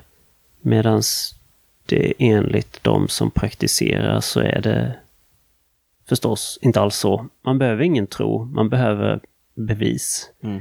Just det, det är de som har, nu sitter Flora med liksom eh, rationella Mm, stafettpinnen på något sätt. precis, på något bisarrt sätt. Ja. Hon, han är ju väldigt arg på henne för hon, han säger ju liksom, ja men du visste ju att Tansy hade så här, psykiska problem. Om det skulle framkomma att min fru var sinnessjuk skulle jag få kicken. Så det är så här, Ja, nej det. stackars dig då. Det är liksom återigen tillbaka Det- till honom. Oh yes. Men hon börjar i alla fall förstrött lägga upp lite tarotkort där på skrivbordet. Och bygger, eh, ett sätt som jag aldrig sett någon använda tarotkort kan jag säga. Hon, by- hon gör ju ett, ett korthus. Ja. Det, det, det kändes lite overkligt tyckte jag faktiskt. Det är overkligt. ja. Nu säger hon, nu ska jag bevisa för dig att magi finns. Pick a card, any card. Ja, ja. Och Norman, han vidhåller det här. Det är nonsens, du snackar, det är skitsnack detta. Mhm. Eh, och så kallar han ju Flora för eh, silly woman. Vilket ju än en gång hamras de här skillnaderna mellan män och kvinnorna in. Oh ja. Här har jag en fråga till dig, Ja. För lätt, lätt, lätt så länge i den här filmen känns det ganska öppet huruvida det här skulle kunna sluta med ett typ så här Scooby-Doo-slut. Mm, mm. Typ att det var egentligen eh, någon som hade monterat högtalare i deras hem och spelat upp konstiga ljud på nätterna. Ja, Och ja. egentligen var det The Groundskeeper som, som låg bakom allting. Eller om det skulle sluta på något så här Lovecraft-slut där en kabal, en sekt liksom utförde ritualer mot någon gud från havet eller något sånt där. Var, var befann du dig under den här filmen? Eh, alltså faktiskt, eh, även om det är supertydligt att filmen handlar om eller bygger på den här premissen mellan eh, då det manliga rationella och det kvinnliga eh, som tror på det övernaturliga och så vidare så tvivlade jag aldrig på att det inom filmens universum så fanns magin på riktigt. Det tänkte jag ändå hela tiden, faktiskt. Och jag vet inte varför. Mm. Du då? Ja, alltså jag vet inte, för den hade, i och med att den har lite det här, den här mysrysiga stämningen och vi får reda väldigt tidigt på att det finns människor som på riktigt har så här karriärmässiga skäl att skälpa hans karriär till exempel. Så tänkte jag så här, det skulle kunna vara, fast samtidigt var anslaget var så allvarligt så att, och så seriöst så att jag tänkte samtidigt att ja, jag tror inte det blir så här ren Scooby-Doo upplösning och sen Nej. kommer polisen och sätter hand, handfängsel på dem. Utan jag trodde nog mer att det skulle gå åt något grottsystem vid stranden där och sen så visade det sig att där är alla de här akademikerna och håll, träffas varje, Ja, vid varje fullmåne och gör något ritual. Alltså jag trodde det mer var åt det hållet. Ja. Att det nu visar sig att det är faktiskt en enda person. De andra tycks ju fortfarande vara socialt med på det. För de tycker inte riktigt om Tansy framförallt. Men det här onda liksom. Det tycks ju ändå vara Flora. Japp. Hur som helst så tänder ju Flora eld på det här korthuset. Samtidigt så ser vi ju också hur Normans hus börjar brinna. Japp. Norman blir väldigt provocerad här och säger så här, släck det där, släck det där korthuset. Och hon hånar ju honom och säger, vadå, det här är ju bara ett korthus, det här är ju ingenting. Det finns ingen magi i det här, det här är ju bara en, en kvinnas löjliga intressen. Det är ju en väldigt härlig scen, hela det där. It's too late to help Tansy. Or is it all in your mind, Norman? Are you imagining things? Do you really believe your home is burning? Will you ever know, Norman? Will you ever be sure? Is your house on fire? Is Tansy dying? Han utbrister ju, du är galen. Och så springer han därifrån för han kan liksom inte, ja han kan inte leva med den ovissheten. Och så säger hon då,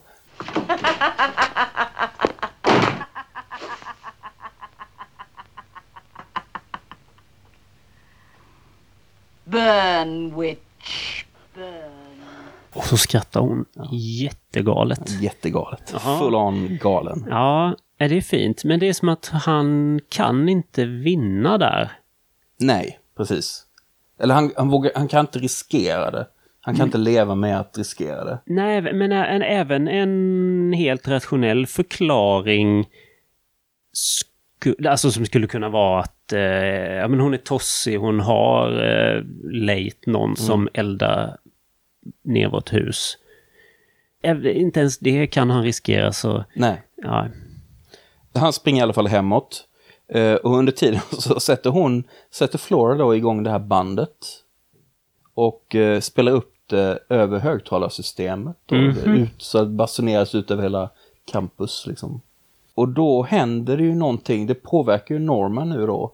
Han håller för öronen och det, det är ungefär som att det låter, alltså sättet som han reagerar på eh, skulle man ju tro att det låter liksom ja, det är 130 decibel. Precis, han bara, ah, bara skriker. liksom. Yes. Och han börjar titta på de här örnarna, stenörnarna. I hans inre så ser han då att de här örnarna blir levande, livslevande. Och börjar eh, attackera honom. Ja. Så han är tvungen att fly in i en annan universitetsbyggnad. Det är väldigt fint när eh, örnen lyfter. Och det är gjort fint med en sån här skalmodell Mm. av universitetet. Men man ser ju också en slags koppel som örnen Ja, sitter i. man ser en tunn, tunn, tunn, tunn Ja, tråd. Ja. Eh, det var en, en väldigt stor örn tydligen som de tydligen preppade de eh, Wingards eh, rygg, alltså ryggen med så här köttstycken. så att Wow, örnen skulle ja. vilja flyga efter honom. Ja, ja, ja, ja, ja. Och det var tydligen inte alls kul för Nej, honom. Nej. Wow. Och sen är det också roligt för han tar ju sig in i en byggnad.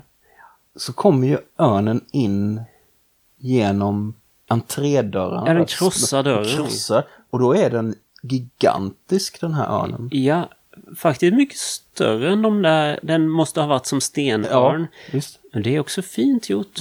När den, eh, Det lufs, bara några frames när den... den lufsar runt där Ja, i precis. korridoren.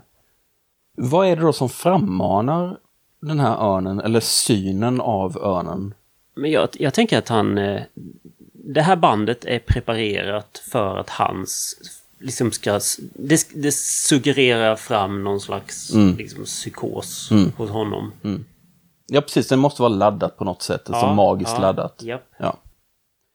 Samtidigt så ser vi ju hur ehm, Floras man Lindsay kommer upp till hennes kontor. Vad, vad, ju- vad ju nu han gör där mitt i natten kan man ju fråga sig. Han är ju oskyldig visar det sig. Han, man tror ju kanske att han är i maskopi med henne, men nej.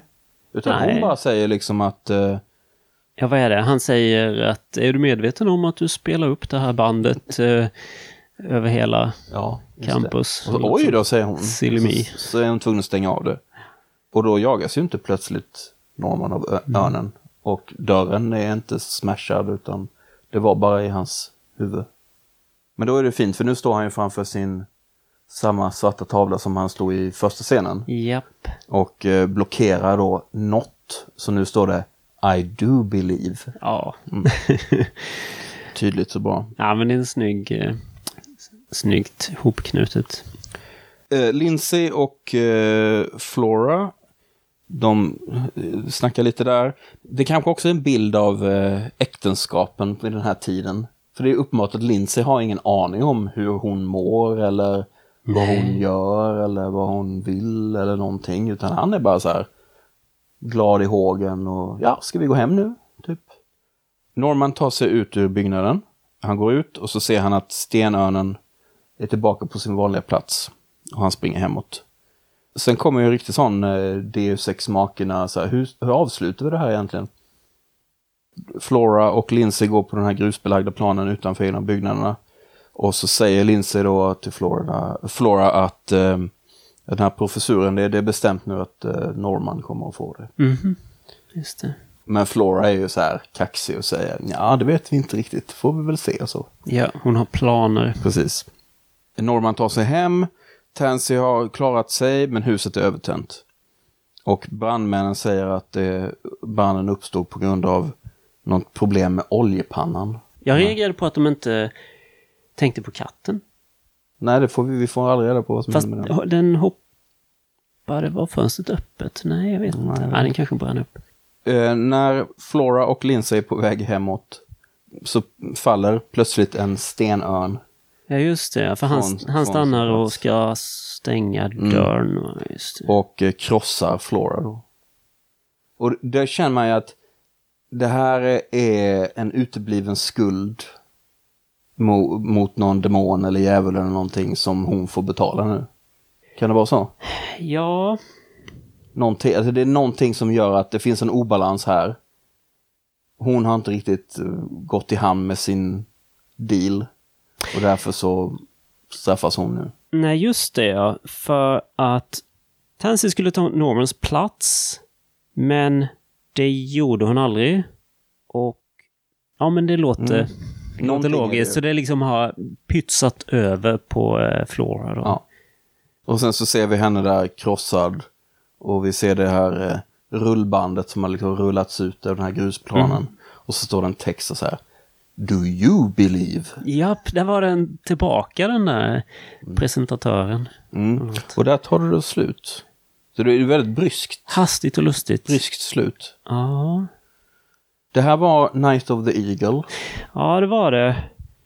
Har du några eh, avslutande reflektioner? Ja. Jag var nyfiken på liksom vad... Att använda den här, så här västindiska, inte voodoo, men någon ändå besläktad tradition och använda det i filmen så här. Jag, jag bara tänkte på hur liksom eh, hur etablerat var det vid den här tiden och sånt. Det har inte, kanske inte gjort så många zombiefilmer till exempel, men eh, Nej, men ändå några ändå stycken. några stycken. Ja. Och man undrar ju om den här boken då som det bygger på, om det är det uttryckligen liksom voodoo, och alltså den typen av eh, ma- magigrejer. För jag Ja, menar, fan, det, det, det är ju 20 år efter I Walk With The Zombie, så att... Japp, japp, japp. Jag tänkte på eh, någon annan som har jobbat med eh, västindisk magi och sånt där. Maya Deren var ju väldigt intresserad av det. Ja, ja, hon, hon släppte ju en bok i början på 50-talet som verkar hålla ganska bra idag ändå. Och hon filmade en massa också under en lång vistelse på Haiti. Okej. Så hon var där liksom som filmare på något stipendie.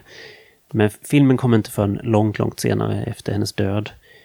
Klipptes hennes material ihop och sådär. Men, men i alla fall, jag tänkte det var ytterligare någon sån där tecken på eh, vad som kan ha funnits i så här, det allmänna kulturella medvetandet Ja, i visst. USA då. Ja, visst. Och det är alltid lite, eh, alltid lite intressant att se men lite varianter på voodoo och zombie och, och sådär. Alltså en zombie idag är ju en helt annan varelse än Ja. den var på 40-50-talet i film och litteratur. Ja. När började zombies i popkulturen att ruttna? Jag vågar inte uttala mig riktigt om det, men alltså för många, eh, alltså, i vissa zombiesammanhang så har ju det har ju alltid funnits en dimension av förruttnelse i zombiemyten eftersom det går ut på att många väcks upp från döden och sånt. Men det är uttryckligt ruttnande zombiesarna. Det kom väl inte förrän på 60-talet. Alltså, en annan grej jag tänkte på med hela filmen och apropå det du frågade förut. Det här med om jag någonsin... Om jag tvivlade på att... Eller om det skulle bli ett Scooby-Doo-slut och så vidare.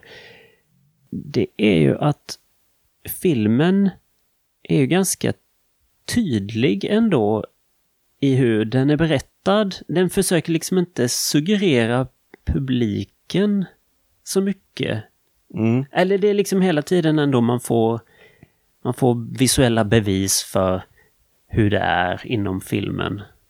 Att magin funkar och så vidare. ja, den är ganska eh, tydlig ändå på det sättet. mm. Den är inte medvetet eh, obfuskerande i hur hänger detta ihop, eller liksom försöker inte manipulera oss så hemskt mycket. Och det är inget öppet slut Nej. på det sättet. Nej. För, för som eh, han eh, Nigel Neils grejer gillar jag väldigt mycket. Eh, för att det är liksom samma tematik, men där är det inte alltid men mycket oftare så som publik så vet man inte till slut hur det ligger till. Att, det, är- att det är mycket mer öppet och det på ett sätt så om man lyckas med det så kan jag tycka det liksom är mer, det ger lite mer. Mm. Men det här, det kanske inte är vad den här vill. Så det ska, jag ska inte, jag ska liksom inte recensera den. Nej. Slutligen här då, vem hejar du på i filmen? Ja, det är svårt. Okej, jag hejar på kvinnorna. Och på ett sätt hejar jag väl på Tansy, även om hon liksom... Hon får ju bara mindre och mindre att säga till om genom filmen. Eh, han glider ju in och tar över hennes, hennes arbete med magin och så vidare. Hon har inte ens förmåga att ro det i hamn. Hon är inte sig själv. Så det är lite svårt också. Så att... Um, Okej, jag hejar på kvinnorna. Men liksom, jag känner ju mest med Flora. Knasigt nog. Gör du det? Ja, jag tycker hon är så cool. Ja, så det är ju knepigt. Vem ska, vem hejar jag på? Alltså det får väl bli Tansy då, just för att hennes, eh, hon har uppoffrat så mycket och hon försöker vara till lags och hon försöker göra så, så mycket rätt hon kan. Men samtidigt har någon form av integritet. Och det går inte. Nej, jag är med dig. Jag vill henne väldigt väl så. Men eh, filmen gör det lite svårt att liksom hänga med henne som karaktär. Ja, hennes agens försvinner Ja, ju ja, liksom visst, halvvägs visst. in Japp. ungefär. Vem skulle du vilja rekommendera den här filmen till? Oh, jag vet! H.P. Lovecraft har ju dykt upp. Jag trodde du skulle säga, du rekommenderade till honom. Ja, eh, nej det gör jag absolut inte. Eh, men jag tänkte på det som en parallell att eh, de flesta är överens om att eh, H.P. Lovecraft är superrasistisk och misogyn, men det finns liksom kvaliteter i hans skrivande och det har ju gjort att väldigt många har jobbat vidare på hans värld och verk och liksom till exempel skrivit om berättelse ur någon annans perspektiv. Liksom Svart svarta och kvinnor och vad vet jag. Jag skulle vilja att någon plockar upp den här berättelsen, både romanen och den här filmen och liksom jobbar om den idag. För jag gillar hela, jag gillar settingen och världen och magin och så vidare. Men eh, det är ju lite knepigt då att huvudpersonen framstår ju bara som mer och mer osympatisk när man tänker på honom. och, ja. och jag slutade med att heja på den onda häxan. Mm. Så ja, någon eh, eh, filmare idag vill jag ska plocka upp den här och göra en remake på den ur kvinnornas perspektiv till exempel. Det hade varit intressant. Jag skulle vilja rekommendera den här filmen till folk som har sett lite av de här um, Val Luton-producerade skräckisarna. Oftast regisserade av Jacques Tourneur. De är ju väldigt bra och jag tycker att det finns lite grann av samma anda i den här. De är inte, den här är inte lika bra som dem, men den är så pass eh, okänd ändå, den här filmen, känner jag. att det, Jag tror att många skulle, som uppskattar de filmerna skulle kunna uppskatta den här också. Till slut, Andreas, om folk vill nå dig på något sätt eller se vad du gör eller skapar, kan de, finns det någon sajt eller något eh, konto eller något de kan titta på? Absolut. Det går att eh, kika på min hemsida och Instagram och jag har ingen som helst trixiga nicknames utan jag är så gammal så jag använder mitt riktiga för och efternamn. Så är det andreaskutsson.se SE hemsidan. och eh, Instagram at Andreas Kutsson. Något i den stilen. Ja, lysande. Yes. Tack så hemskt mycket för att du ville komma hit och prata om Night of the Eagle. Tack så mycket, jättekul att vara här. Hej då! Hej då!